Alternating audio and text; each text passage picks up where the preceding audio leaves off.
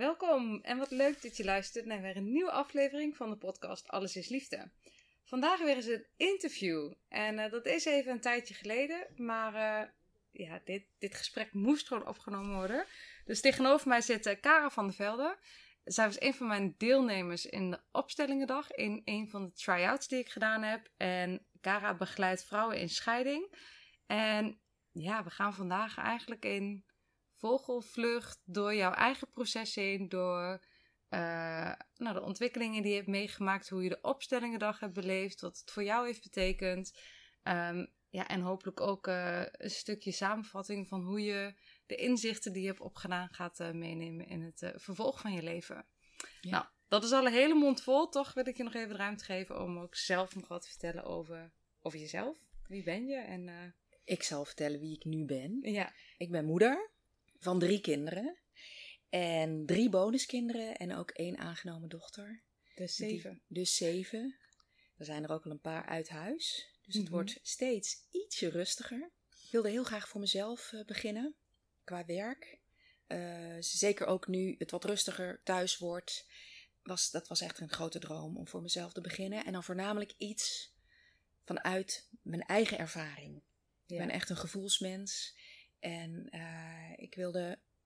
Ik heb gekozen om vrouwen te begeleiden bij het verwerken van een echtscheiding, met het maken van keuzes, bij het loskoppelen en het leren grenzen stellen opnieuw en het leren kennen van zichzelf. Wie ja. ben ik zonder mijn ex-partner?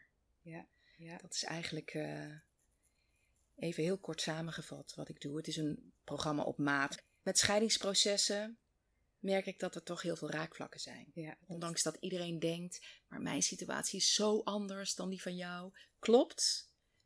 En er zijn ook heel veel raakvlakken. Ja, want hoe meer je tot de essentie komt, hoe meer overeenkomsten je waarschijnlijk ook zult zien. Ja. Hè, dat details zullen verschillen, de verhalen zijn allemaal uniek en de mensen zijn allemaal uniek. Maar als je dan het afpelt, merk je dat je toch veel dezelfde thema's ja. en uitdagingen tegenkomt bij deze Precies. vrouwen. Zo is het, ja. Mooi. Ja, en Ja. dat heb ik natuurlijk zelf ook meegemaakt. Als Ja. volwassene, Mhm. ook als kind. En ehm, vanaf het moment dat ik ben gaan scheiden, ik heb de uiteindelijke beslissing genomen. eh, zijn er natuurlijk een hele pro- heleboel processen opgestart. Ja. Ja, Dat wist ik al. Die waren al begonnen voordat ik daadwerkelijk. eh, de knoop doorhakte. de knoop het is door- ook eigenlijk helemaal niet een... eh, het is meer op een geleidende schaal dan dat het Ja. echt één moment is waarop je een knip zet en zegt, Precies. nou, nu is het klaar. Ja, dat wordt heel vaak gezien dat je als beslisser. ehm, dat je die keuze maakt, maar dat doe je niet zomaar. Daar gaat een hele tijd aan vooraf. Precies. Je proces begint, meestal begint het proces al een aantal jaar Ervoor, hè? Ja, Ja. ervoor, ja. Ja.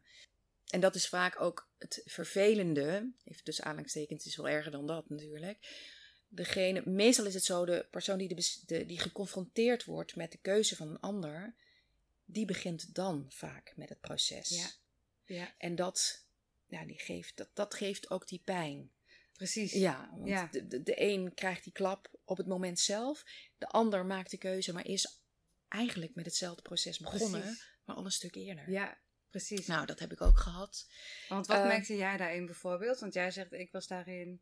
Ik heb eigenlijk meer de definitieve beslissing genomen.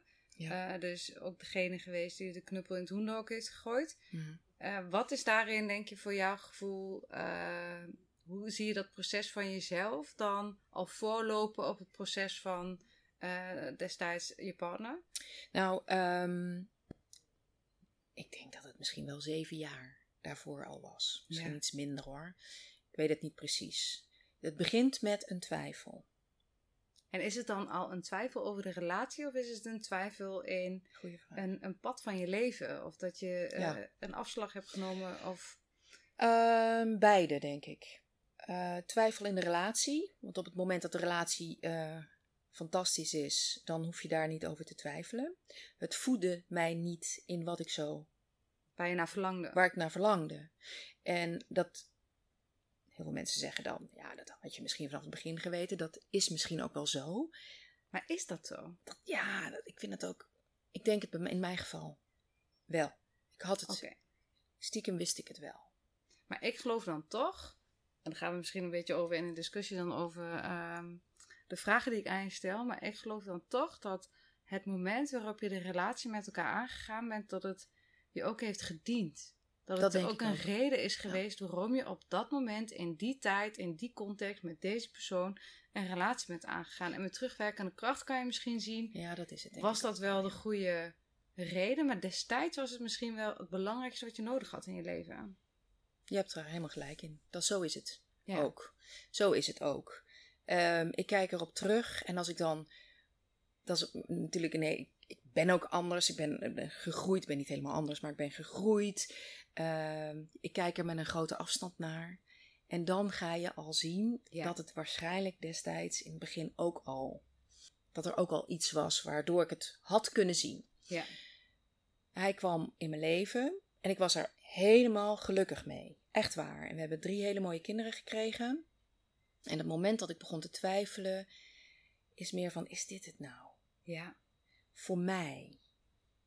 Want wie ben ik eigenlijk? Ja, dat is zo, ja, altijd zo'n clichévraag. Dat is niet dat ik wat ik me letterlijk heb afgevraagd hoor. Maar ik, ik wil eigenlijk nog zoveel Ja. verandering. En ehm, als ik hiermee doorga met deze manier van leven, dan heb ik nog niet eens over de relatie, dan is dit het. En zal het niet echt meer veranderen.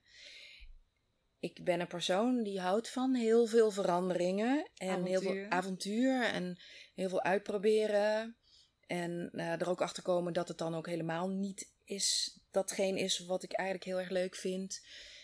Ja, en ik denk dat de persoon naast, destijds naast mij ehm, hield van die stabiliteit. Ja. En niet te veel verandering. Dus ik kan mij ook heel goed voorstellen, dat heb ik al eerder verteld, ook in een podcast van mij, over mijn eigen scheidingsverhaal, dat dat ook heel moeilijk, dat, dat ik, zo'n ongelijk projectiel bijna, ik hè. Ja. En als je dan zelf een persoon bent die van stabiliteit houdt, van en het is toch goed, ik heb mijn eigen zaak en eh, we hebben een mooi huis en we die kinderen, klopt. Het plaatje is goed. Ja? Het, het- Wat wil je dan nog toch- meer? Het is alles waar Klopt. je misschien tien jaar geleden van gedroomd Ja. had. Het is allemaal uitgekomen. Hoe kun je nu Ja. ontevreden zijn? Precies. En da- door dat, dat, dat, daar was ik het ook helemaal mee eens. Maar dat toch, maakte mij nog ongelukkiger. Ja. Het feit van, hé, hey, je moet gelukkig zijn en je bent het niet. Ja. En natuurlijk is niet dat alleen hetgeen waardoor ik eh, dus de beslissing heb genomen. Er zijn nog een heleboel andere oorzaken die ik eventjes eh, laat voor, eh, ja. voor nu. En dat is het altijd, hè? Ik weet- ja, volgens mij heb ik het ook al eens eerder gezegd. Ik vind het zo'n mooie uitspraak. Only you and I can really know what's happened between you and I. ja, precies. En dat is het gewoon echt. Dus al zou je nu meer erover delen, meer eh, onthullingen erover doen. Het maakt niet uit, want het doet eigenlijk nooit recht aan wat het is geweest Ja. tussen jullie. Omdat er niet, ja, je kan de energie niet in woorden vatten. Je kan, ja, je komt daar gewoon niet meer helemaal bij in, in een, in een op, opname zoals dit. Ja, Eh, in precies. een gesprek als deze. Ja, dat is ook zo. En daarom doe ik alleen, op dit moment geef ik alleen aan datgene waar ik zo naar op zoek was. En Precies.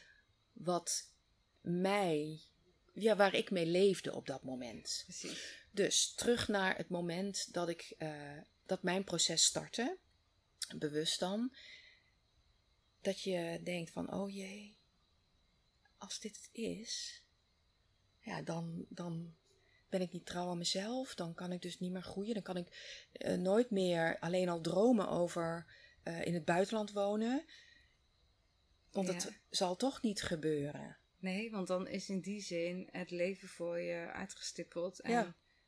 En ik ben er nooit gaan wonen. Nee, Nee, wel, ik heb toch- er ooit gewoond, maar niet na de, dat ik ben gaan scheiden. Maar toch, ik, ik, moest die, ik had die ruimte nodig Ja, om te kunnen dromen en dat dat mogelijk dan ook zou gaan gebeuren bij wijze ja, van. dat het niet alleen maar illusies zijn, maar dat het Ja. ook nog werkelijkheid zou kunnen worden als je je manifestatiekracht en energie erop zou zetten. Ja, precies. En als je in deze relatie was gebleven, had je van tevoren al geweten dat alles wat zo ver out of the box was, eh, niet te sprake zou.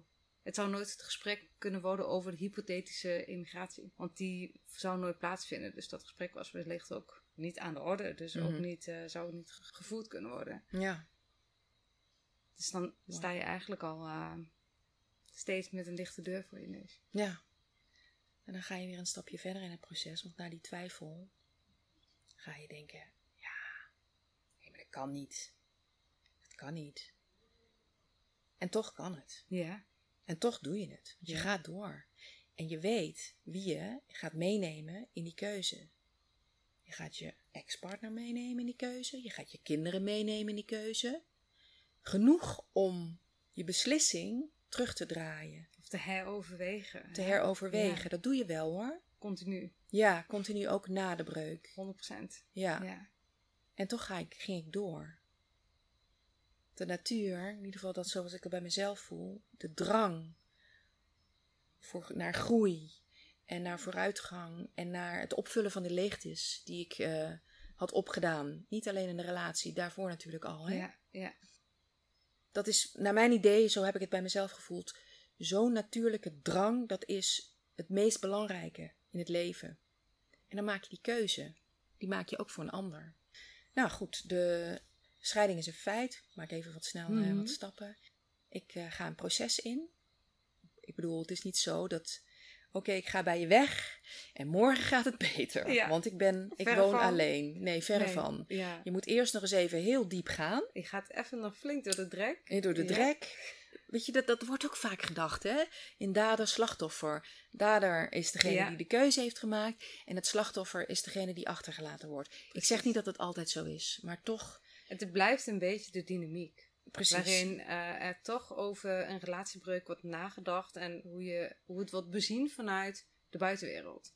Of vanuit vrienden of vanuit familie. Degene die daadwerkelijk de, de vertrekkende beweging heeft gemaakt, wordt dan toch meer gezien als de dader. En degene die, ehm, eh, ja, die inderdaad achtergelaten wordt, die is dan het slachtoffer. En dat is wel, denk ik, een dynamiek die veel voorkomt. Er zullen uitzonderingen zijn, maar ik denk dat dit heel vaak aan de orde is, inderdaad. Ja. Dus dat jij was in deze, eh, ja, in deze situatie, was jij de dader.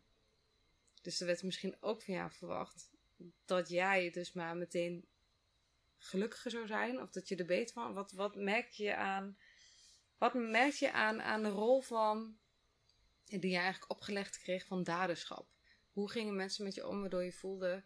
ik word Mhm. als dader behandeld?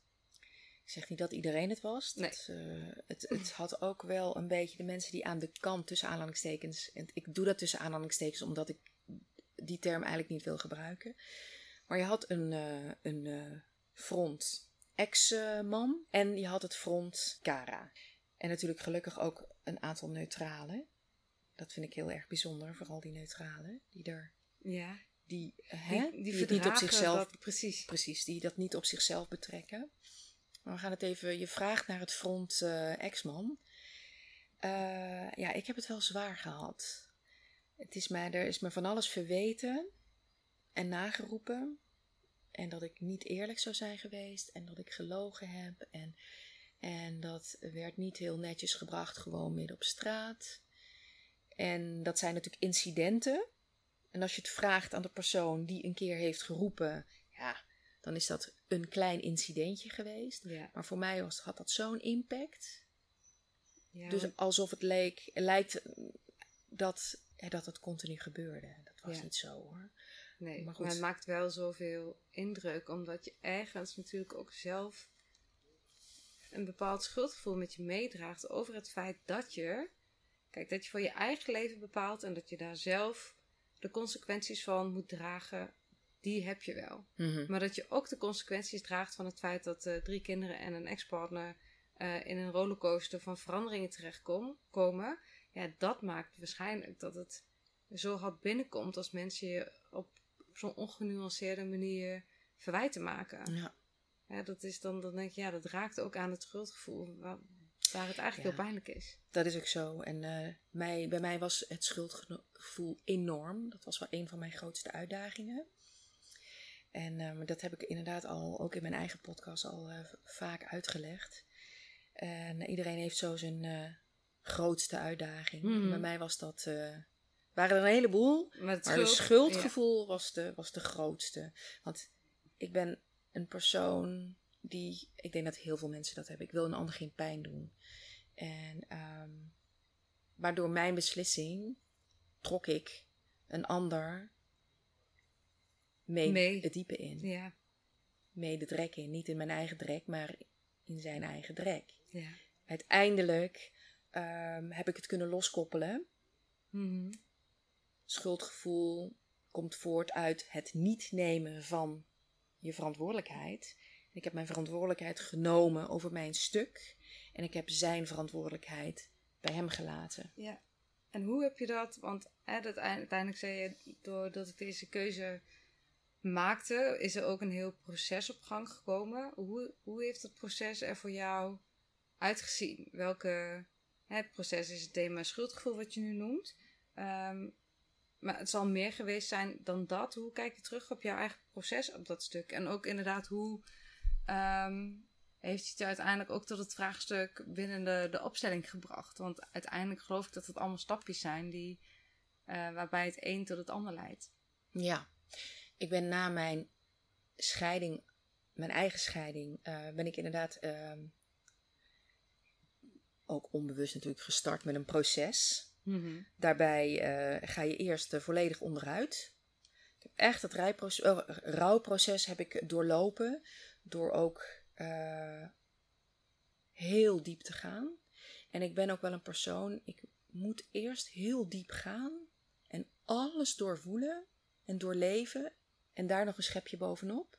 En dan mag ik van mezelf weer verder. Ja. Dus ik ben het onderste uit de kan. Dat schuldgevoel, gaat, ja. ging ik door dat schuldgevoel, want dat had ik een ander aangedaan, ging ik mezelf ook nog eens een keer extra straffen door het extra te beleven en dan nog dieper en nog dieper. En ik moest het voelen en het moest heel pijn doen. En daarna ging ik vooruit. Dus wat moest ik doen? Ja, ik moest bewust een stap terug doen met werk. Mm rust inbouwen. Ook wel leuke dingen doen. Daarnaast dat lukte, dat kon parallel. Ja.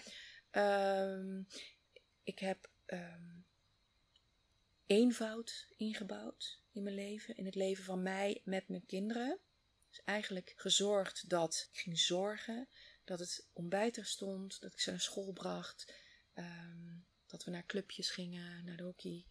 Um, en dat s'avonds het eten weer. En dat ze in bed lagen en dat er wat kleding uh, gewassen werd. Dat was de eenvoud. Ja, dat dat maar draaide, de basis. Ja, ja. Goed, dan op een gegeven moment, je gaat verder, je komt verder in het proces. En mm, je komt langzaam een beetje uit dat diepe. Je krabbelt omhoog. En dan komt er ook weer wat ruimte voor jezelf. Dan ga je met mensen praten die hetzelfde hebben meegemaakt. Uh, boeken lezen, denk ik. Al, alhoewel in het begin dat echt nog niet lukte, want daar was ik helemaal niet toe in staat. Ik kon nog nauwelijks, uh, ik keek wazig, ik kon niet eens helder uit mijn ogen kijken, laat staan dat ik de concentratie kon opbrengen om een boek te lezen. Um, je gaat praten met mensen. Maar eigenlijk zelfreflectie. Ja. Zitten en nadenken. En dat is natuurlijk ook wat je zegt hè, met dat diep gaan. Ja. Want het klonk een beetje alsof je het jezelf, uh, alsof het straf was hè, voor jezelf. Dat zei ik, ik, ik vind dat, uh, dat ik, nou ja, dat ik dat verdiend heb om me zo kloten te voelen. Mm, is het niet ook een drijf die je in je hebt om, om zelfs uit de moeilijkste situatie de meeste potentie te halen? Omdat je ook voelt dat in het donker en in het verdriet en in de ja, de, de, de kelder van mijn ziel, laat maar zeggen, liggen ook de, de, de pareltjes. Het goud. Waar, daar waar ik echt bedding kan vinden voor wie ik ben. Zodat ik, als ik hier straks uit die kelder klim, ik sterker ben en meer mezelf ben. En meer in contact sta met mijn eigen potentieel dan ooit tevoren. Dus is het alleen straffen geweest of is het ook het ophalen van je potentieel?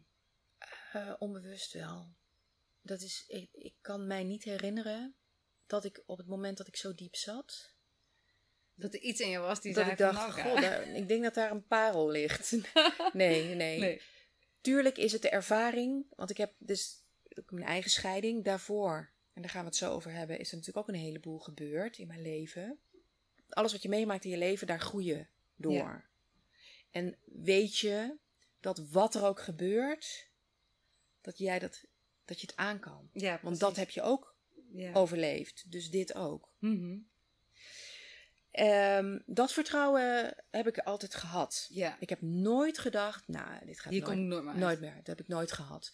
Ik heb niet gedacht in mijn proces, in, in, in, toen ik zo diep zat, van Oké, ik voel me nu heel slecht, maar daar hangt een parel.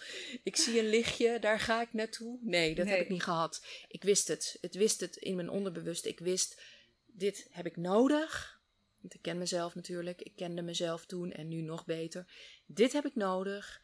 Kara moet zo diep gaan. En nog een keer. En, En nog, nog een keer, keer. En nog een keer. En dan... Ik wist het. Ja. Dat het, dat het goed zou... Uiteindelijk goed zou komen. En zelfs beter dan dat. ja, precies. Want ik voelde wel, los van het feit dat het natuurlijk heel duister was, Ja. ik voelde wel verlichting. Ja, precies. Dus je voelde wel, dit is wel de, de route naar Ja. meer zingeving en eh, ja, Ja, dat voelde ik wel. Dus Ja. het is denk ik eh, ja. het antwoord op jouw vraag. Ja. Dat denk ik ook. En, ehm, want je zei net, hè, het is, ik ben zelf kind van gescheiden ouders. En daarna heb ik zelf een scheiding meegemaakt als moeder. Ehm, hoe kijk je daar, hoe hebben deze twee gebeurtenissen jou ook gevormd en hoe houden ze ook verband met elkaar? Ja, dat is een heleboel vragen. Ja. Ik heb ehm, als kind een eh, pittige scheiding eh, mogen meemaken, een heel lang proces. Wat eigenlijk eh, pas ophield toen ze beide zijn overleden. Je bedoelt de strijd eigenlijk. Ja, nou niet dat zij letterlijk een strijd hebben voortgezet tot het eind. Maar een proces wat vanaf het moment dat zij zijn overleden voor mij een andere kant uitging. Even terug. Kind van gescheiden ouders. Het proces verliep niet heel erg fraai. Ik heb mezelf altijd voorgenomen, eh, dat ga ik niet doen. Ik ga niet scheiden. Dat ga ik niet doen. Nee, Want dat ga ik mijn kinderen niet aandoen. Misschien niet eens zo letterlijk, maar dat maar zat... onbewust ja, is het de imprinting geweest. ja, precies. Ik eh, zal ervoor zorgen dat, eh, Dat mij dit niet overkomt. ja, dat mijn kinderen dat niet hoeven mee te maken. En ieder jaar, als we weer een jaar verder waren in het huwelijk, dacht ik, oh, vijf jaar. Oh, nog een jaar erbij. Oeh. Heel bewust. Ja, Ja, dat is al, achteraf gezien, is dat natuurlijk al heel bijzonder.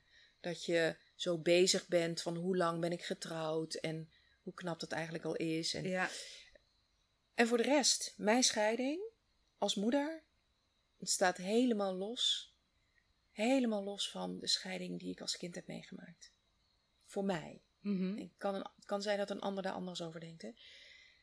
Ik heb wel daarna, nadat ik de keuze heb gemaakt om bij ehm, mijn ex-partner weg te gaan, gezegd: Ik ga dit, dit heb ik nu in de hand. Dit ga ik anders doen.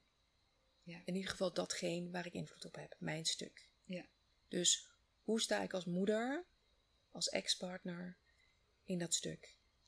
En dat had, ik, dat had ik tot op zekere hoogte in de hand. En naarmate ik me beter begon te voelen, en naarmate dat hè, de tijd verstreek, begon ik mezelf beter te voelen, ging het ook beter.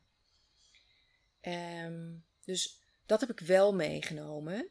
Dat ik het anders, dat ik zou gaan proberen die communicatie zo goed mogelijk te laten verlopen. In ieder geval, een stuk van mij. Hè? precies. En Ja. ook een stukje in eh, het contact met je ex-partner. Het, het niet op de manier van eh, liefdespartners, maar wel op de manier van Als op, op, ouders. het, op het niveau van ouders met elkaar Ja. verbinden. En daar elkaar ook in vinden en in zien. En misschien ook wel in erkennen. Dus dat, dat iedereen ook de positie van het gezin, dus de kinderen kind kunnen blijven en de moeder de moeder kan blijven en de vader de vader. En dat je daar met elkaar eh, nieuwe verbindingen aanlegt. Waarin nog steeds het, het, het, het gezin in een nahuwelijkse gezinssituatie leeft. Ja. Maar wel op een andere manier met elkaar verbonden is. Die wel respectvol is en met, ja, met open communicatie en elkaar erkennen in de rol die ze moeten hebben. En dat had ik graag gewild. Dat had je nodig gehad als kind. Precies. Want ik denk dat je nu refereert naar dat had ik graag gewild. En dan gaat het over wat jij als kind graag had gewild. Of had je dat ook, in deze? Ook. Oké, want je merkt dat het eigenlijk niet... Nee, kijk, je, je kan, eh, maar dat is natuurlijk, eh, je hebt te maken nog steeds met twee verschillende personen. Ja. Ik kan wel iets willen en iets nastreven, Ja. maar of de ander dat ook wil, of dat in zijn vermogen heeft, hij bleef de dingen toch anders zien dan ik ze zag. Ja. En ik kan bijvoorbeeld, ik ga het even vanuit mij vertellen, ik kan bijvoorbeeld denken dat ik heel goed aan het communiceren ben, terwijl hij daar Heel, heel anders in een staat. andere beleving. Hele andere beleving. Dus je hebt altijd die waarheden van beide kanten. Ieder heeft zijn waarheid. Ja, En ik vind eh, mededelen dat wij op vakantie gaan een week van tevoren, ik noem maar even wat, hè. Misschien is het ook een keer gebeurd hoor.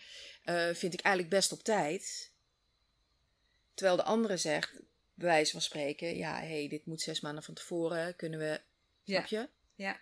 Wat is, Wat is goede communicatie? wat is goede communicatie? Ja, Ieder vult dat op zijn manier in. ja precies. Naar eigen behoeften. Ja. Maar dat wil niet zeggen dat de ander. En daar kan je weer over communiceren. Klopt. Ik had hele goede ideeën daarover. En ik heb de dingen met de beste intenties gedaan. Mijn eigen scheiding als moeder. En ik geef heel eerlijk toe, dat is niet allemaal gelukt. Nee. Niet alleen niet gelukt, ehm, omdat het letterlijk door mijzelf toch net anders liep. Maar ook omdat ik het misschien toch nog net invulde voor een ander. Ik Ja. dacht, nou, het is, het is goed Dit zo. is goed. Ja, En dan moet een ander ook maar vinden. ja. Alleen dan kom je toch weer bij die communicatie, wat al niet zo lekker liep bij ons. Dat is vaak ook het moeilijke, hè? Koppels Ja. gaan natuurlijk al niet voor eh Ja. een lul uit elkaar, laten we zeggen. Ja, precies. En vaak is communicatie toch wel een van de dingen waarop eh, nog wel wat valt af te dingen. En hoe kun je dan verwachten dat als dat in de relatie al lastig is, dat het in een nahuwelijks gezinsleven ineens als een trein loopt? Dat is natuurlijk ondenkbaar. Nou ja, ik- dat is ook ondenkbaar. En die kloof wordt eigenlijk alleen maar groter Precies, en want dieper. Het, waar je in een relatie nog denkt, ik moet me maar een beetje aanpassen of we moeten een beetje geven en nemen, ga je in een eh, scheidingscontext veel meer voelen. Ja, maar nu is het wel de tijd om trouw te blijven aan mezelf, om mijn eigen koers te gaan varen, om niet meer eh, me aan te passen aan een ander of aan de verwachtingen van iemand anders. Ik heb nu mijn eigen leven in te richten. Ja, Ja, dan wordt het een beetje zo'n treinspoor, wat eerst nog een beetje evenwijdig liep, is het, eh, ja, langzaamaan ga je gewoon steeds verder uit elkaar. ja, omdat je... Toch heb je je gevormd naar elkaar. Ja, En ieder heeft zijn eigen patronen gevonden. Precies, precies. En eh, op het moment dat je losgaat, gaat in ieder geval, zo zie ik het in ieder geval in, eh, in het proces wat wij hebben gehad, mijn ex en ik. Ieder gaat toch weer terug naar zijn eigen behoeftes. precies. Wat En naar moet in, Ook zijn in- eigen ja. opvoeding. Ja. En eh, dat wat jij, wat jouw gewoontes waren. En, en dat is bij ons ook gebeurd. Ja. Maar goed, ja, verder in het proces. Ik krijg een eh, nieuwe relatie. Eh, daar komen wat kinderen mee. Ik ben nog steeds bezig met mijn proces. Want het zijn natuurlijk ook zo'n groot gezin. Dat zijn ook, natuurlijk ook enorme uitdagingen. En daar krijg je af en toe ook nog wel eh, Ja, de deksel op voldoende je ja. op je bord. Ja, En nu begint die rust wat meer te komen. Dat er ook kinderen uit huis gaan. Dus letterlijke rust. En eh, nu merk ik, ondanks het feit dat ik me heel lang ook heel goed voelde. En ik voel me nog steeds echt heel goed. En daardoor, omdat ik die ruimte heb gemaakt, komen nu, komt nu mijn kindstuk naar boven. Dus de scheiding van mijn ouders. En nog niet zozeer de scheiding zelf, hoe dat verlopen is. Maar ehm, ik duik heel erg terug naar de periode dat ze nog samen waren. Ik hunker, dat is een beetje waar eh, we het in de opstellingendag, waar ik naartoe wilde. Ik hunker naar die tijd. Ik hunker naar het oude, het verleden. en hoe ziet dat plaatje eruit waarna je hunkert? Dat heb ik heel groots gemaakt. Mhm. En dat zit helemaal in mijn gevoel. Dat was de tijd dat mijn papa en mama nog bij elkaar waren. Ja, Dus dat was, voor een kind is dat veilig en stabiel. En in die jaren heb ik ook hele mooie herinneringen die, ik, die misschien één keer gebeurd zijn, maar die ik helemaal heb opgeblazen. ja. Of een foto misschien, die Een je gezien foto. hebt, waarvan je Precies. denkt, oh ja, dat weet ik nog. Ja. Daar waarvan je eigenlijk niet weet of dat een reconstructie is, of dat het werkelijk eh, ook zo voelde als dat jij denkt dat het heeft gevoeld als kind. Zal ik je eerlijk vertellen dat ik dat niet eens weet? Het is zo gevormd Ja, Ik heb er zo'n beeld bij gecreëerd dat ik niet eens meer weet of dat een foto is of dat het een herinnering is, of beide. Ja. Ik weet het niet. En wat, wat, wat voor beweging brengt jouw, het proces wat je nu te doen hebt met je kindstuk, uh, wat voor beweging brengt het in jou? Welke bewegingen brengt het in je leven? Hoe, ja, hoe, ben je, hoe houd je ermee bezig zodat je. Uh, want ik denk dat je uiteindelijk in ontwikkeling ermee bezig bent om er rust in te vinden.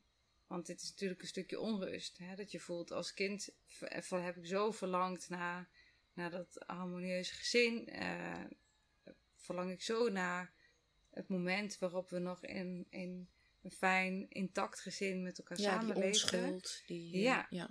Dus wat, wat brengt het je in het hier en nu? Uh, ja, voor welke uitdaging stelt het jou?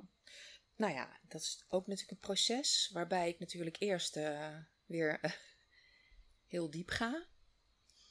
En die, die, dat echt aan het ophalen ben. met foto's. een trouwfoto van mijn ouders. Die heb ik pontificaal op mijn bureau gezet. Um, een aantal jaar geleden, net na het overlijden van mijn moeder, dat is nu 8,5 jaar geleden, um, heb ik het huis waar ik het nu over heb, waar wij woonden, heb ik uh, bezocht. Wat nog in dezelfde staat, uh, helemaal in dezelfde staat was. Dus dan mocht ik binnen. Dat komt ook een beetje door mijn, uh, door mijn huidige partner. Die belt gewoon aan en hop, wij komen kijken. Want zij, nou, dus heel mooi. Dus ik mocht gaan kijken. En ik was zo blij met het feit dat dat huis nog steeds intact is. En dat nam ik mee. En ik dacht, nou, weet je, dan ga ik het gewoon kopen. Weet je wel, helemaal terug, want daar Ja. moet ik wonen. Ik ga het kopen. Ja, precies.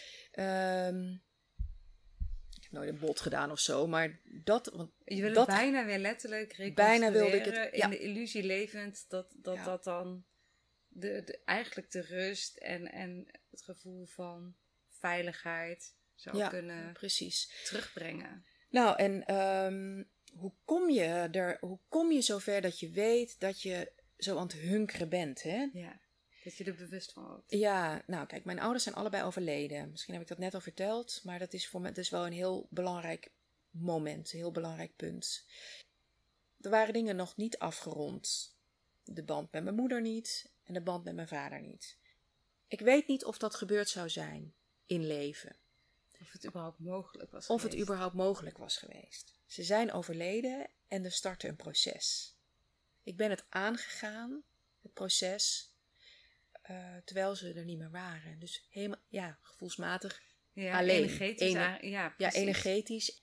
Op een gegeven moment, en dat is echt iets van de laatste tijd, ben ik dagelijks met ze bezig.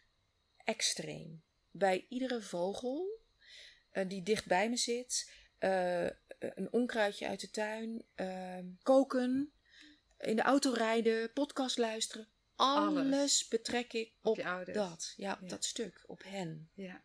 Dat maakt toch wel weer dat je blokkeert. En dat je verdriet voelt en gemis en Rouw. rouw.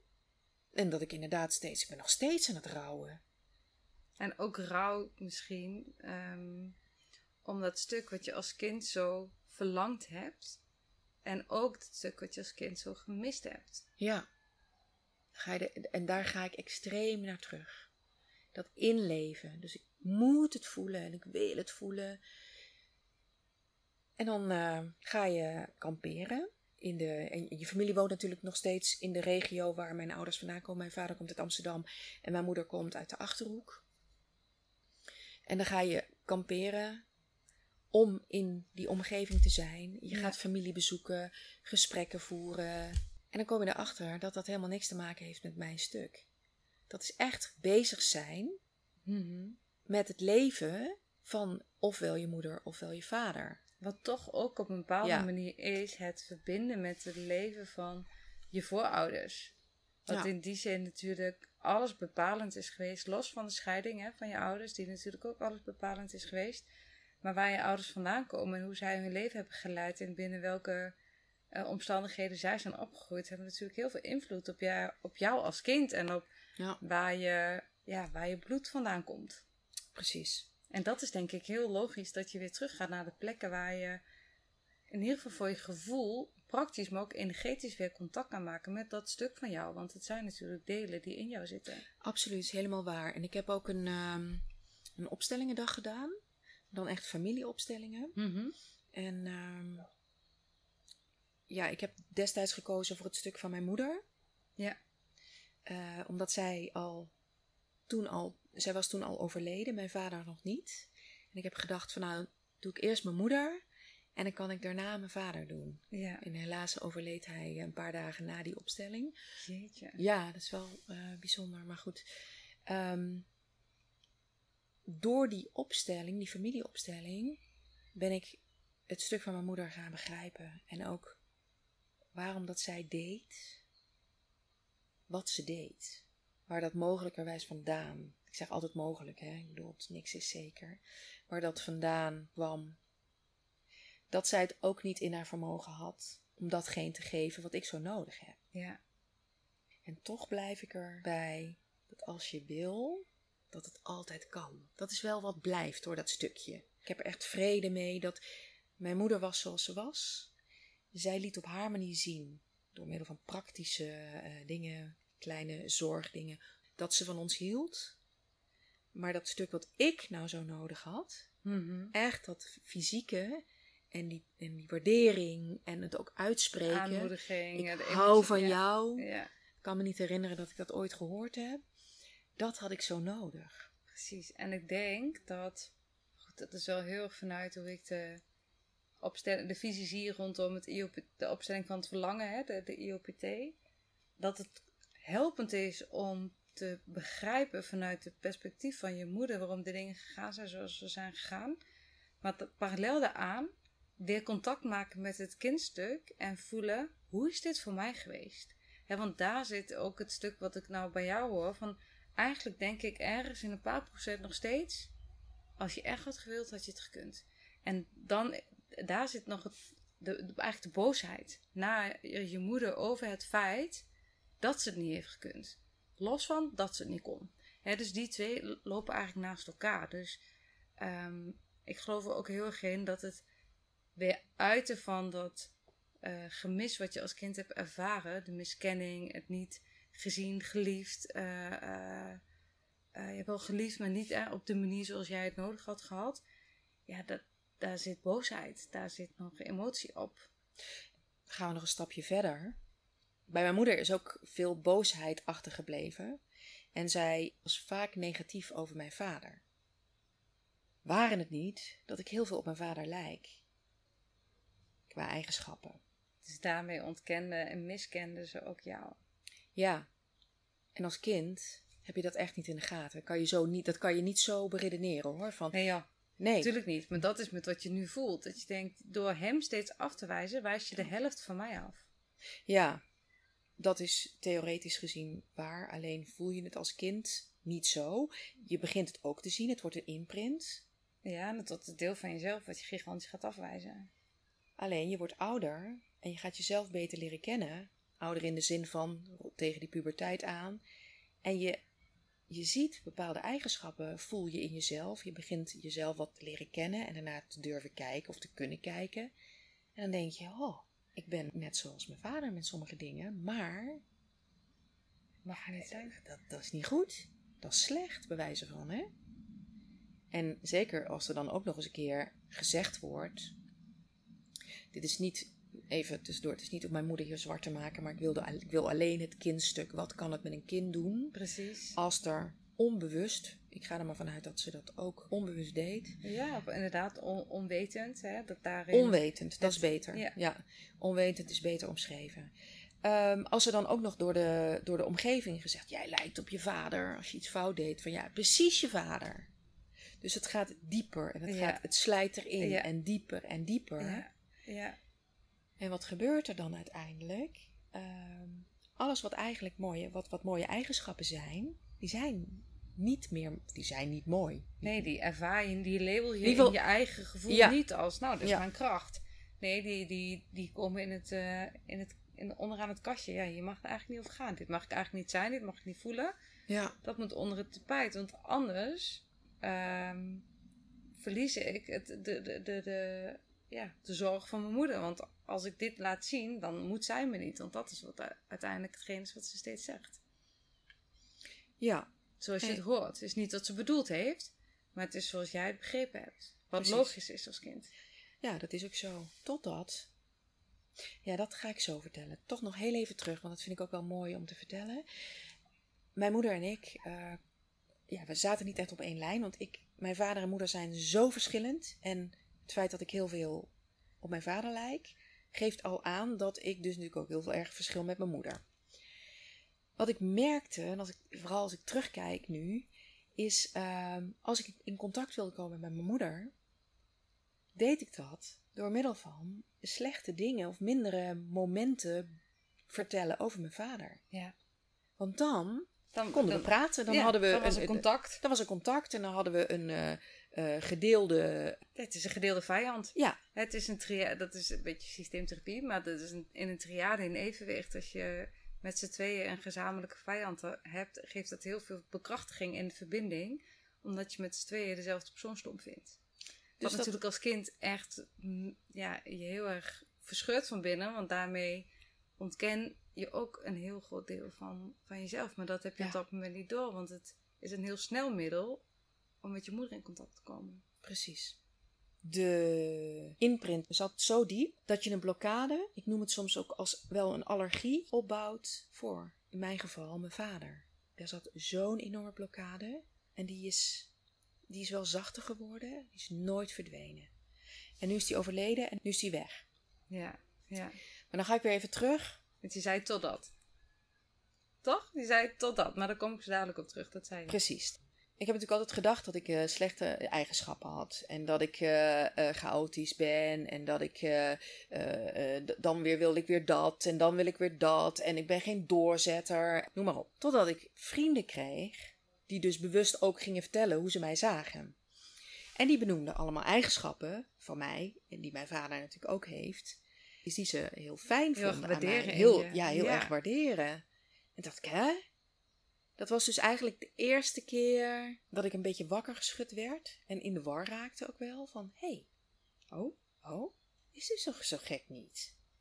Oké, maar toen dacht ik wel van, nou, wacht maar. Mhm. Zij kunnen dat nu wel vinden, maar als ze mij beter leren kennen... Dus ik hield dat wel een beetje slag om de arm. Ja, dat begrijp ik. Want je kan dat dus niet zomaar je eigen overtuiging loslaten. Het is Ja. het op dat moment een beetje gaan schuiven. Het heeft een nieuw licht en een ander perspectief geboden op het idee dat dit allemaal slechte eigenschappen van je zouden zijn. Ja, precies. Maar goed, ik heb daar wel een draai aan gegeven. Want dat, dat heb ik helemaal zelf weten te helen. Ik vind dat ik, ja, met mijn eh, plussen en minnen natuurlijk, gelukkig Ja. maar. Ik vind het fantastische eh, karaktereigenschap. Ik ben heel dankbaar. Dat heb ik ook in de opstelling gezegd. Ik ben heel dankbaar met de ervaringen en met de persoonlijke eigenschappen die ik heb meegekregen. Van mijn vader, maar ook van mijn moeder. Want ik ben wie ik ben. En toen kwam jouw opstellingendag. Ja, En natuurlijk spreek ik uit dat ik dankbaar ben. Maar de hunkering, Mhm. waar we het straks over hadden. De hunkering en het gemis naar de tijd dat mijn ouders bij elkaar waren. Is niet verminderd, maar erger. ja, Zo erg zelfs dat ik eh, inderdaad bezig ben met. eh, dan ga ik maar hier in de buurt wonen. ja. Eh, maar ja, ik wil ook wel graag op een boot. Ik raak helemaal in de in de war. war, waar, waar, ja, ontworteld. Ja, inderdaad. Dus ik wil naar het buitenland verhuizen. Oh nee, nee, nee, dit huis, ik moet het echt niet kwijt. Want als ik dit verkoop, ons huis, dan doe ik mijn kinderen hetzelfde aan als wat ik nu doorleef. Ja. Dus dat kan niet. Nee, Maar goed, ik wil ook in het buitenland eh, met de camper. Of ik wil op een boot wonen. Of, weet je, het is zo tegenstrijdig en het Ja. botst heel erg met elkaar. En natuurlijk dat kindverdriet. Dus dat gemis van die waardering, dat ik er mag zijn zoals ik ben. De stabiliteit, de onschuld, de eenvoud. Ja, en toen kwam ik bij jou. ja. Toen kwam je bij mij op de opstellingendag. En ik voelde. Ik heb eerder een opstelling gedaan, maar dan een familieopstelling, dat zei ik net ook al. En daar ben ik naartoe gegaan van: oké, het zal wel interessant zijn. Dat is echt waar. Mhm. En dat was het ook. En bij jou dacht ik: ik moet hierheen. dit is mijn thema, dit heb ik te doen en ik pak mijn kans. Ja. En dat heb ik gedaan. Die 100%. Je, was, eh, je intentie was eh, helder en zuiver in uh, verbaal en non-verbaal. Zeker nu je dit allemaal zegt, denk ik, oh ja, dit heb ik gezien. Je was daadkrachtig, op een hele fijne manier, maar echt voornemens. Dat is hè, zoals iemand een voornemen kan hebben om iets te bewerkstelligen, zo was jouw energie. En ik denk dat die klopte, omdat je voelde, ik, ik heb hier iets te doen. Ik heb hier iets te doen, inderdaad. En heel fijn met al die andere vrouwen, echt heel fijn. Ik steek mijn hand als eerste op. Je weet niet wat er vanmiddag gebeurt. Dus ik pak hem nu in de ochtend als eerste. En normaal ben ik ook, zo werd ik vroeger genoemd, hè? Haantje de voorste. Ja. en uh, ik zal er ook wel voor zorgen dat ik, uh, dat is een beetje de negatieve lading daaraan. Die heb ik om weten te buigen naar. Goed, wil je ik zelf ben gewoon geïnteresseerd ja. en uh, ik zorg voor mezelf. Normaal ben ik in dit soort settings van, nou, laat ik geef eerst een ander het podium, maar dan neem ik wel die tweede plek in. Ja. Daarna ben ik aan de beurt. Ja. En nu dacht ik, nee, je weet niet wat er vanmiddag is. Ik pak hem. En wat, ge wat gebeurde er? Want dat is natuurlijk... Ja, je was eigenlijk al met een, heel, met een hele duidelijke intentie... stapte je hier de jeugd binnen. Toen gingen we jouw opstelling doen. Wat gebeurde er in jou? Wat, wat, wat heb je ervaren tijdens de opstelling? Wat Nou. heeft je geraakt? Nou, ik, wil, ik wil honderdduizend vragen stellen, maar... Nou is goed, laten we beginnen wat er eh, bij het begin. Ehm, ik mocht mijn opstelling doen en ik had, er, ik had er heel veel zin in.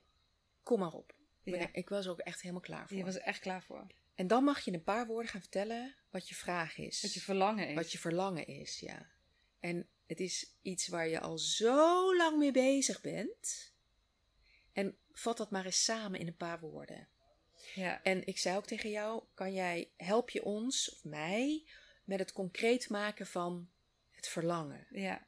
En dat deed je gelukkig ook. Ja. ik laat je er niet in bungelen. Er is natuurlijk ook wel die angst, want je hebt dan deze kans. Angst dat je het net niet goed verwoordt, dat je niet tot de kern van het verlangen komt. Ja. Dat was het enige angst die ik had. Stel je voor dat ik niet goed pak. En hoe buig je die om? Of hoe heb je die omgebogen? Want ik denk dat dat heel, een heel, voor eigenlijk iedereen die eh, coaching, therapie, eh, een opstelling gaat doen, dat je denkt, oh, het moet wel precies goed.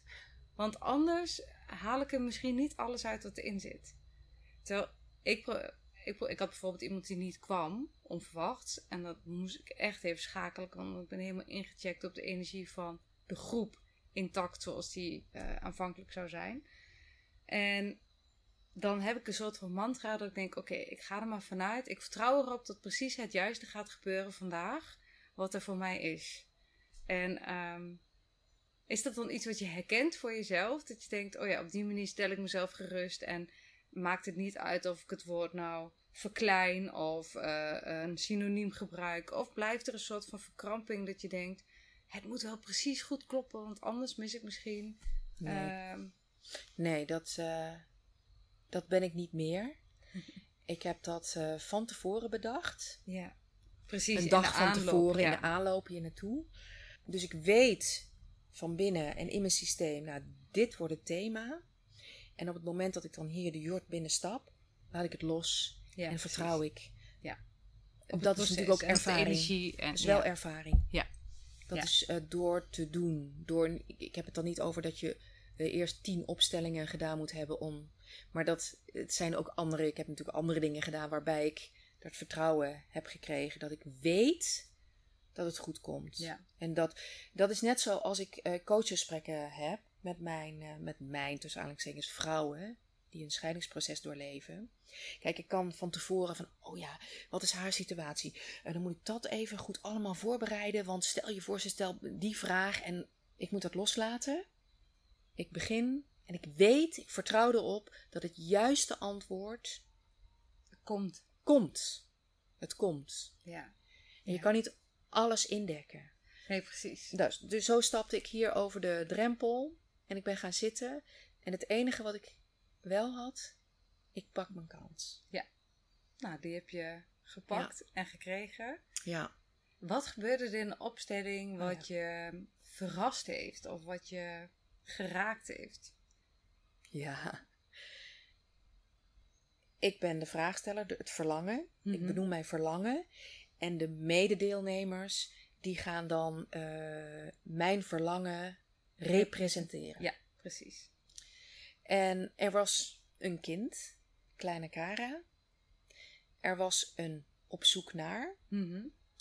En er was een loslaten. We begonnen met drie. Waarvan het kind Kara en het loslaten met de rug naar me toe gingen staan. Ja, dat was meteen... Ja. ja. Dat vond ik, eh, ja, dat vond ik eh, schokkend. schokkend.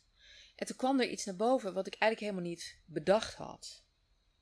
Maar het is wel onderdeel van mijn proces. Ja. Het niet gezien worden, afwijzing, eh, jouw mening telt niet, wat jij zegt is dom. Ik vul het maar in, hè, voor een ander. Ja. Ik zeg niet dat een ander zo denkt, maar, dat ziet- voel ik. in- wat in je opkwam was letterlijk dat gevoel. Wat je zo eh, herkende. Ja, Want dat was het eerste wat je voelde in die opstelling. Van, oh, het gevoel van afwijzing, van niet gezien worden. Letterlijk de rug toegekeerd worden. ja, en het gekke is, in het leven ook, en ook als kind en nu, ik vind eigenlijk dat ik best wel wat zinnigs te vertellen heb. En dat Ja. ik, ja, en dat ik heel goed kan verbinden met mensen. En ehm, ja, dat hetgeen wat ik vertel best wat kan doen met een ander. En hoe kan het dan toch dat ik geraakt word als mensen me afwijzen? Dat is een vraag die ik, waar ik mee aan de slag ga. Ja. Waar ik natuurlijk al mee bezig was. Dus echt niet eh, dat ik dat gisteren voor het eerst. eh, maar ik merkte dat ik nog helemaal daar niet klaar mee was. Nee, nee, dat was het. Dat was het. Want ik ben er al heel lang mee bezig. En ik voel me al heel sterk. En toch is het nog niet geheeld. Dus heb ik daar nog iets te doen? Ja, vond het een heel mooi inzicht. Ja. Waar we toen waren we net twee eh, minuten, twee minuten bezig. bezig. Ja, het was Ja. de non-verbale fase waarin Ja. eigenlijk iedereen een plek ging zoeken in de ruimte die, die oké voelde in het energieveld. Wanneer kwam, het energie, wanneer kwam, kwam de opstelling vanuit die eh, naar jou toegekeerde ruggen? Wanneer, waardoor kwam die in beweging? Wat was de beweging die de delen gingen maken? Want ze bleven niet steeds met de rug naar je toe staan. Nee, het grappige is dat dat mij zo geraakt heeft. Ook niet meer zo goed weet. En daar hadden we het voordat we begonnen met opnemen over. Heel veel moet ik nog indalen. Landen, ja, Landen. precies. Het is net gisteren geweest, hè? Het is gisteren nu, eh, geweest. En het is een vraag, precies een vraag, waar ik, ik geef het gewoon heel eerlijk, een beetje op blokkeer. Ik weet het eigenlijk niet zo goed wat er gebeurde. Misschien kan jij als eh, begeleider, eh, die het van een afstand heeft, mogen aanschouwen.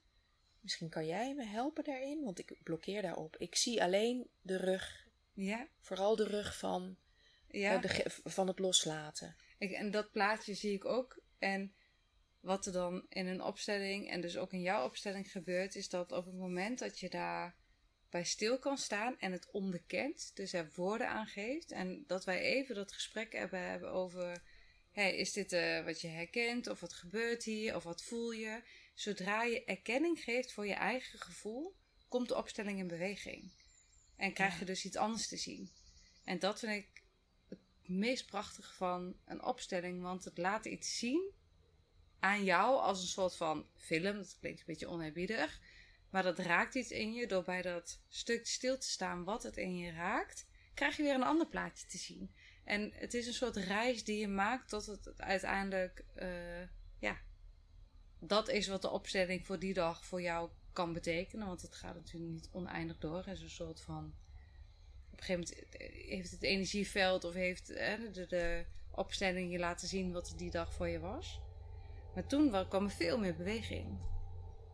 En wat heeft je in dat stuk geraakt, verrast? Wat, wat, wanneer voel je weer, oh ja, toen was ik er weer.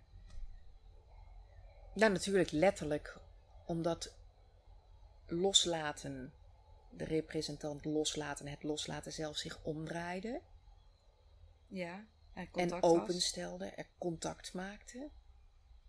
Eh, dat het kindstuk dichterbij kwam staan. En dat er een onverwachte wending kwam waarbij mijn vader ingezet werd. Ja. Want dat had ik eigenlijk niet bedacht. Ik Dat ik dat dat- ook niet van tevoren. Nee, nee, natuurlijk, dat weet. Volgens mij weet je dat sowieso bijna nooit van tevoren. Nee, Nee, jij ik weet eigenlijk niet. helemaal niks van tevoren. Dat, het, het is echt in dat, ook dat veld van vertrouwen en energie stappen en daar heel aanwezig op zijn. Dat is eigenlijk het, of het enige, maar dat is eigenlijk het enige wat ik doe. En daar contact mee maken. Wat ik heel mooi vond aan de opstelling, dat wil ik, anders vergeet ik het misschien dadelijk. Mijn verhaal werd beeldend gemaakt, waardoor ik er van een afstand naar kon kijken. En op het moment dat ik er van een afstand naar kan kijken, geeft het een veel beter beeld. Ja. Als je kijkt naar die opstelling en naar hoe ik de laatste maanden voelde, kind loslaten, mijn vader, mijn moeder, eh, want uiteindelijk werd mijn moeder ook ingebracht. En dat vond ik ook heel mooi. Dat ik merkte aan mezelf dat ik dus al een stukje op, familieopstelling heb gedaan. Dat ik al heel erg bezig ben geweest met haar stuk. Ja. En dat die vergeving daar al heel sterk aanwezig was. Dus het feit dat de representant, mijn mama, bleef zitten, Ja. was heel mooi. Ja. En wat ik ook heel mooi vond, is dat ik knielde. Dat is allemaal niet bedacht van tevoren. En ik sprak de dankbaarheid uit naar haar. En dat ik ook alle begrip heb voor haar, eh, voor haar stuk. Ja. Ja. En mijn vader had ik nog niet echt aangeraakt. Nee, en het was, daar was ook ehm, precies wat jij zegt, de grootste beweging. Ja. Naar je moeder was bijna alsof er nog een soort van eh, iets wat je misschien in de vorige opstelling bent gaan aankijken. Dat, dat kwam nu in, in, nou, dat kwam eigenlijk even kort voorbij. Terwijl dat stuk met je vader eigenlijk een hele krachtmeting is misschien niet het goede woord, maar eigenlijk een verlangen van zowel jou als je vader om elkaar te zien en vast te houden, te erkennen. Ehm, maar ook beide voelen, maar ik kan het niet. En dat er dan een hele krachtmeting, dans, energetisch spel, ik weet even niet een goed woord voor, van heel tijd vertragen en ondertitelen. Wat gebeurt er bij jou? Wat gebeurt er bij jou? Wat is dit? Waar gaat het over? En naarmate het woorden krijgt en het gevoel er dus in mag zijn, gingen jij en je vader eh, meer met elkaar in contact komen. En weet je wat ook zo mooi was? En dat vond ik ook wel een heel pittig stukje. Ik denk dat je je het kan herinneren. Dat de persoon die mijn vader representeerde benoemde. En volgens mij wisten ze helemaal niet dat mijn vader overleden was. Dat zij benoemde. Ik voel alsof ik aan het opstijgen ben. Ja, ik, heb, krijg weer kippenvel. Ja. En toen dacht ik echt, wow. ja. Ja, ik moet daar even stil, word ik er nu van. Toen dacht ik echt, wow, heb ik dat verteld? Nee. En ook meteen de, de strijd. Maar ik wil het niet. Dat zei ik, ja. Maar dit, wil, ik dit wel? Kan ik het al wel? Kan Ja. het? Ja. Ik heb gisteravond geschreven. Ik kan het. Vertrouwen heb ik. En hij mag gaan. Want het, dat, is het, dat is het. Hij mag opstijgen. Hij mag losgaan van dit. de- hoe noem je dat eigenlijk? Deze wereld. Het aardse. Ja, het aardse, dat is het. Ja, ja en waarom eh, wilde ik dat eigenlijk niet? Ik gun het hem natuurlijk. Wij kregen allemaal een hele mooie kaart met een eh, tekst die eh, mij heel erg raakte. En bij wie mag jij leunen?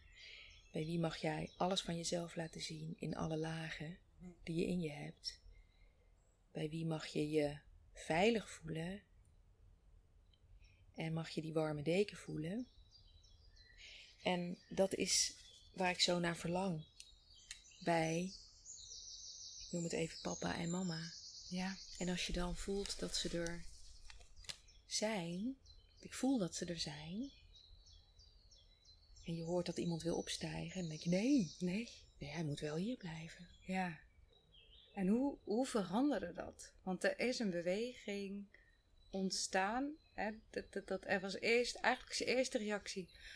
Maar, Maar wil ik het wel? Ja, Maar die verdween ook doordat er iets anders gebeurde. het is niet aan hem. Ik moet dat zelf kunnen. Ja. En ik kan dat ook.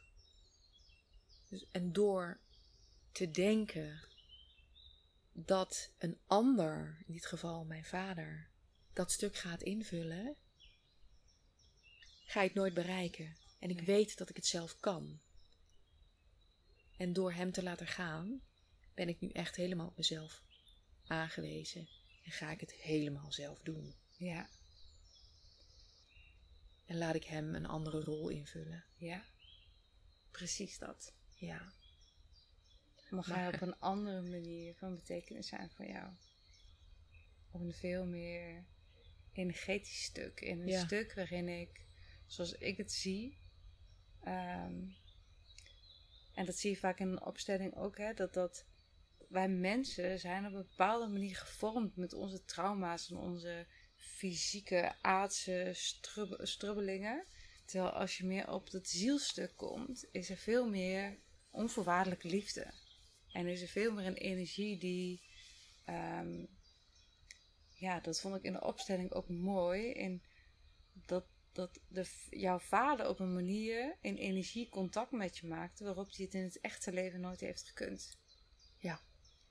En dat was volgens mij ook een stukje heling.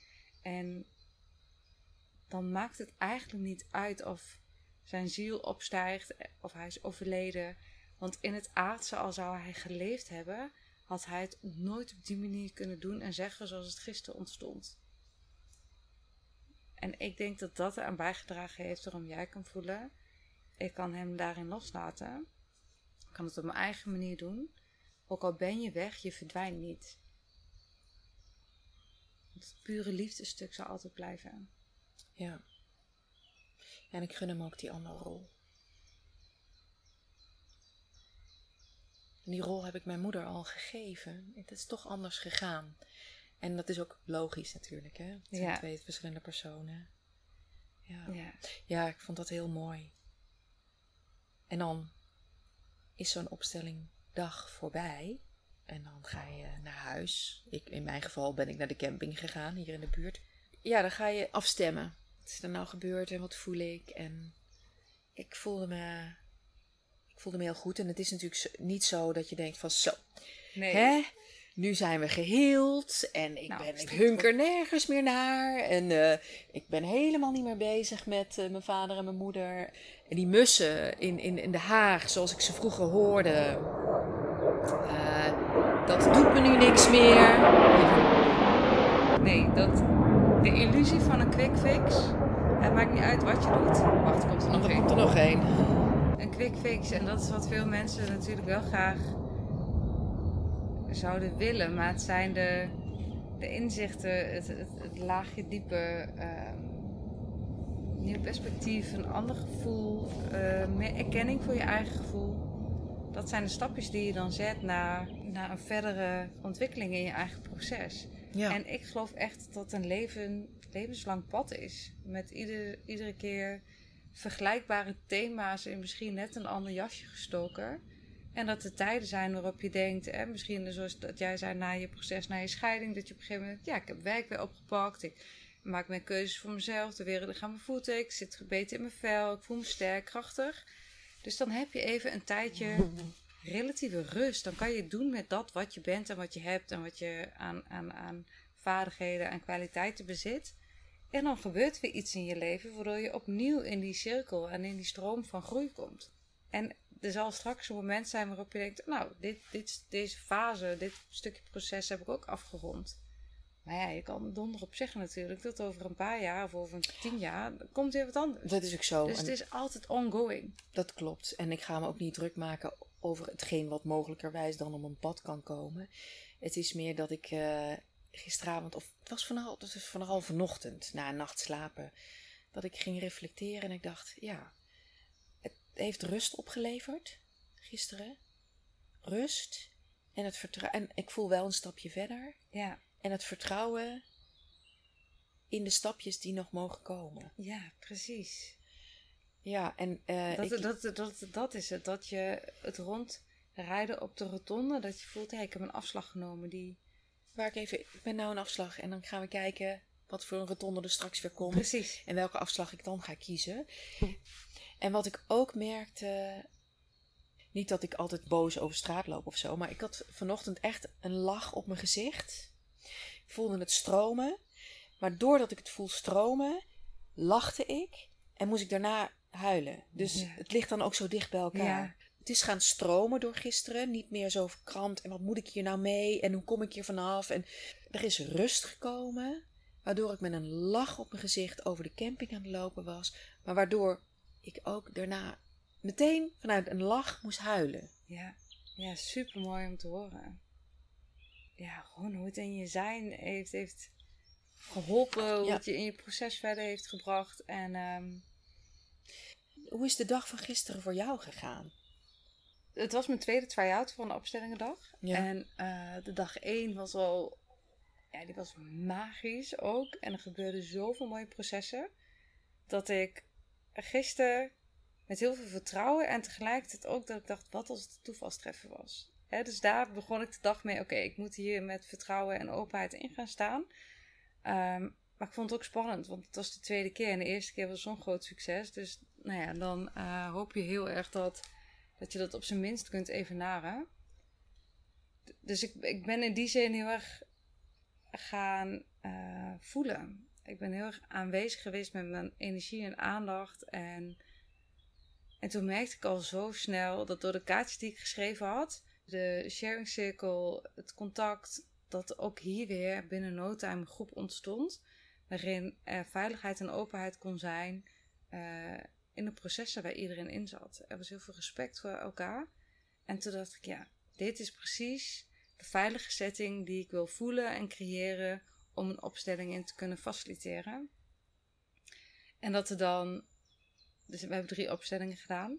En dat er dan drie opstellingen mogen plaatsvinden waarbij ja, je eigenlijk ziet hoe iedereen in zijn eigen proces stappen zet en inzichten krijgt. En dat met zoveel ja, liefdevolle betrokkenheid door iedereen gedaan wordt.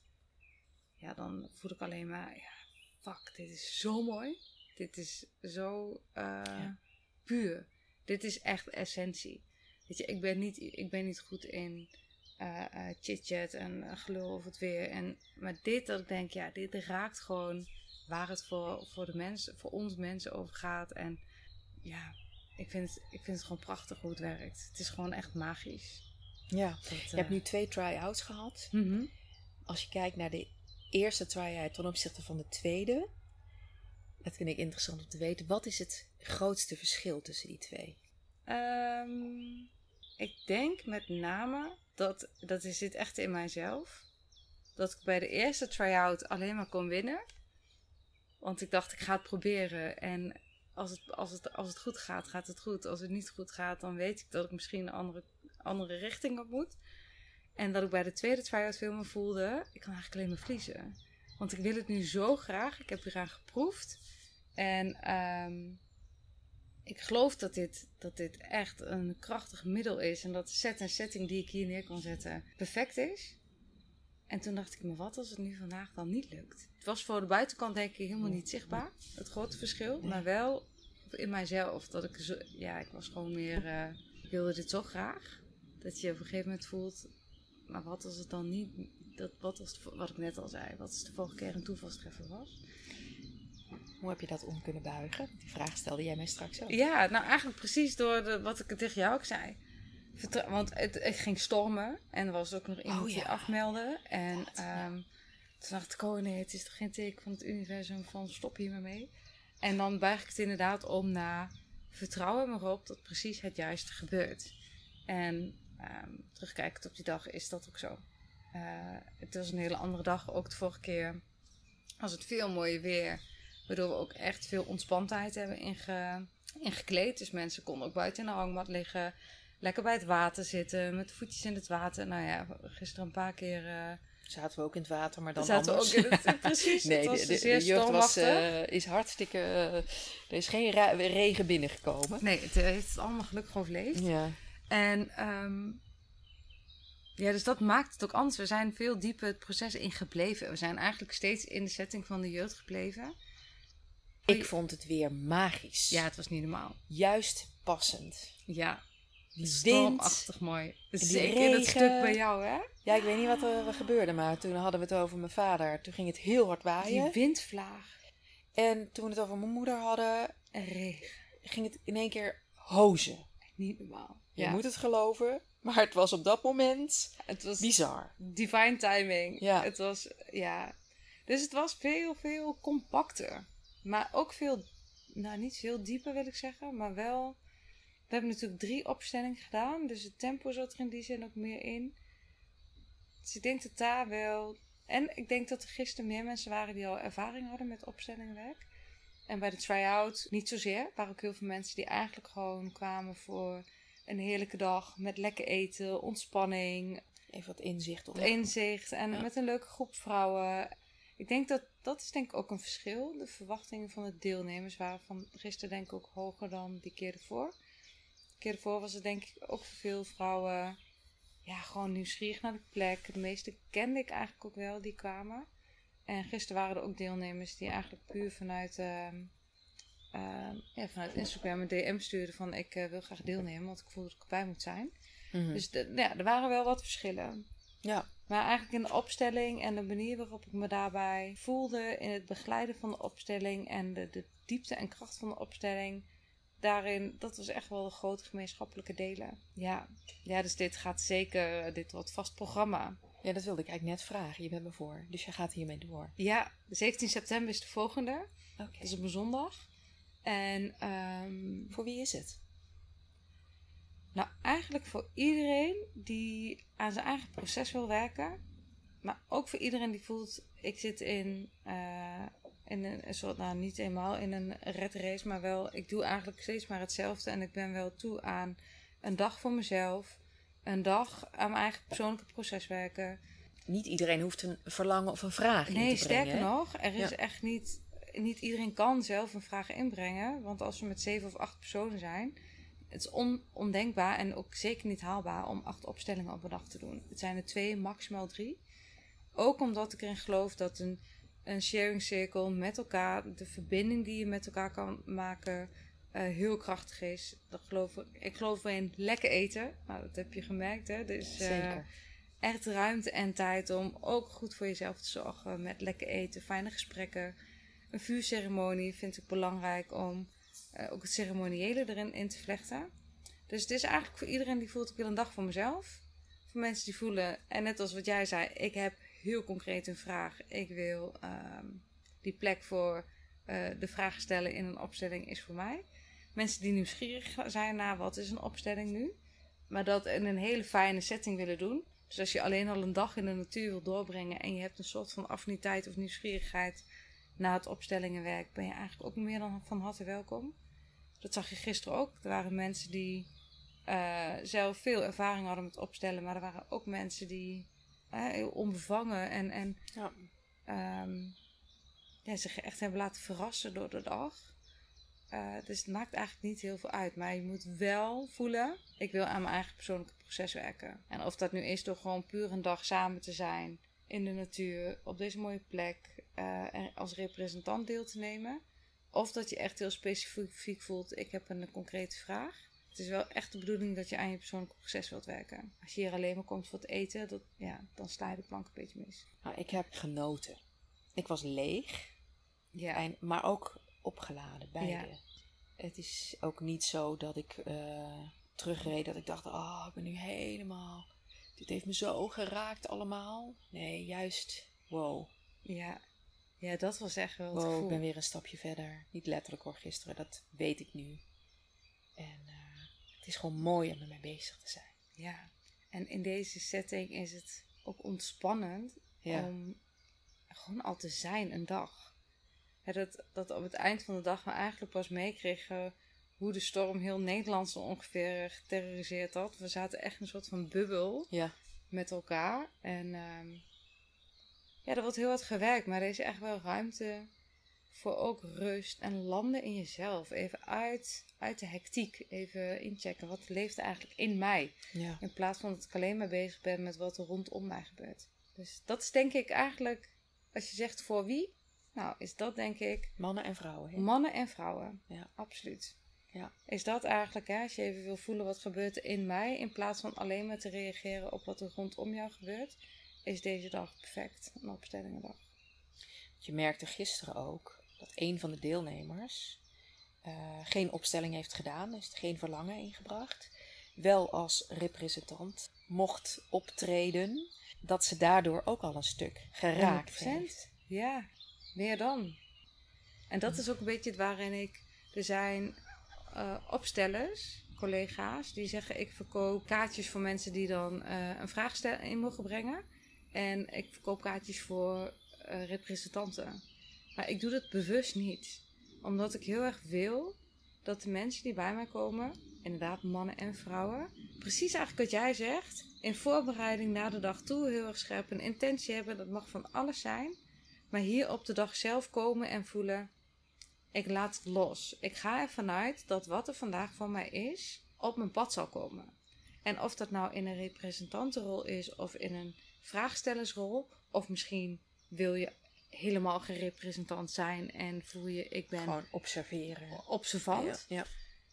Dat voel je op die dag zelf. Je kan niet alles van tevoren regisseren. Nee. Dus het loslaten van wat die dag voor jou is en daar open ingaan, dat is de reden waarom ik kies. Je koopt een kaartje voor deze dag. De try-out was een voordelige prijs. Nu eh, gaan ze naar 150 euro per dag, ex-BTW. Maar goed, met alles wat daarbij zit, ehm, Het is het meer dan waard. is het... Ja, echt waar. ja. Ik ben blij dat ik de try-out had. Nee. Ja, ja, kom terug. ja, Dat zei ik gisteren al, hè? Ja, sowieso ben ik nog helemaal niet klaar met dit stuk. En het was weer een hele mooie aanzet om weer een stap verder te komen. Ik denk dat er altijd wel een nieuw verlangen is. En zo'n dag als gisteren, even helemaal onderdompelen, even helemaal landen in een bubbel. Voor mij is dat heel erg waardevol. Ik ben er echt van overtuigd dat ik daar vaker behoefte aan ga hebben. ja. Ja, dat denk Ja, ik ik, wel. kan hem heel goed- ik, ik hou er zelf ook van. Ik ga zelf ook regelmatig naar ceremonies. eh opstellingendagen heb ik nu tijdje niet gedaan, maar ook dat deed ik heel graag. Het zijn echt van die momenten voor. Ja, ik geef daar gewoon heel graag mijn geld aan uit, omdat Ja. het altijd heel voedend is voor jezelf en je altijd weer nieuwe inzichten eh, geeft. Het geeft me energie. Dus eh, ook Mooi. als, als facilitator, maar ook als deelnemer. Dus. Mooi. Nou, ik denk dat wij... eh, Die hebben ze rond hebben er. denk dat wij alles gezegd hebben wat we willen zeggen. Maar niet alles. Ik kan nog Nee. uren met je praten. Ja. Ja. dat, dat weten we van elkaar. We gaan elkaar ongetwijfeld weer zien. Nou, zeker weten. Ja. ja. Zeker weten. Dankjewel voor dit gesprek. Jij bedankt.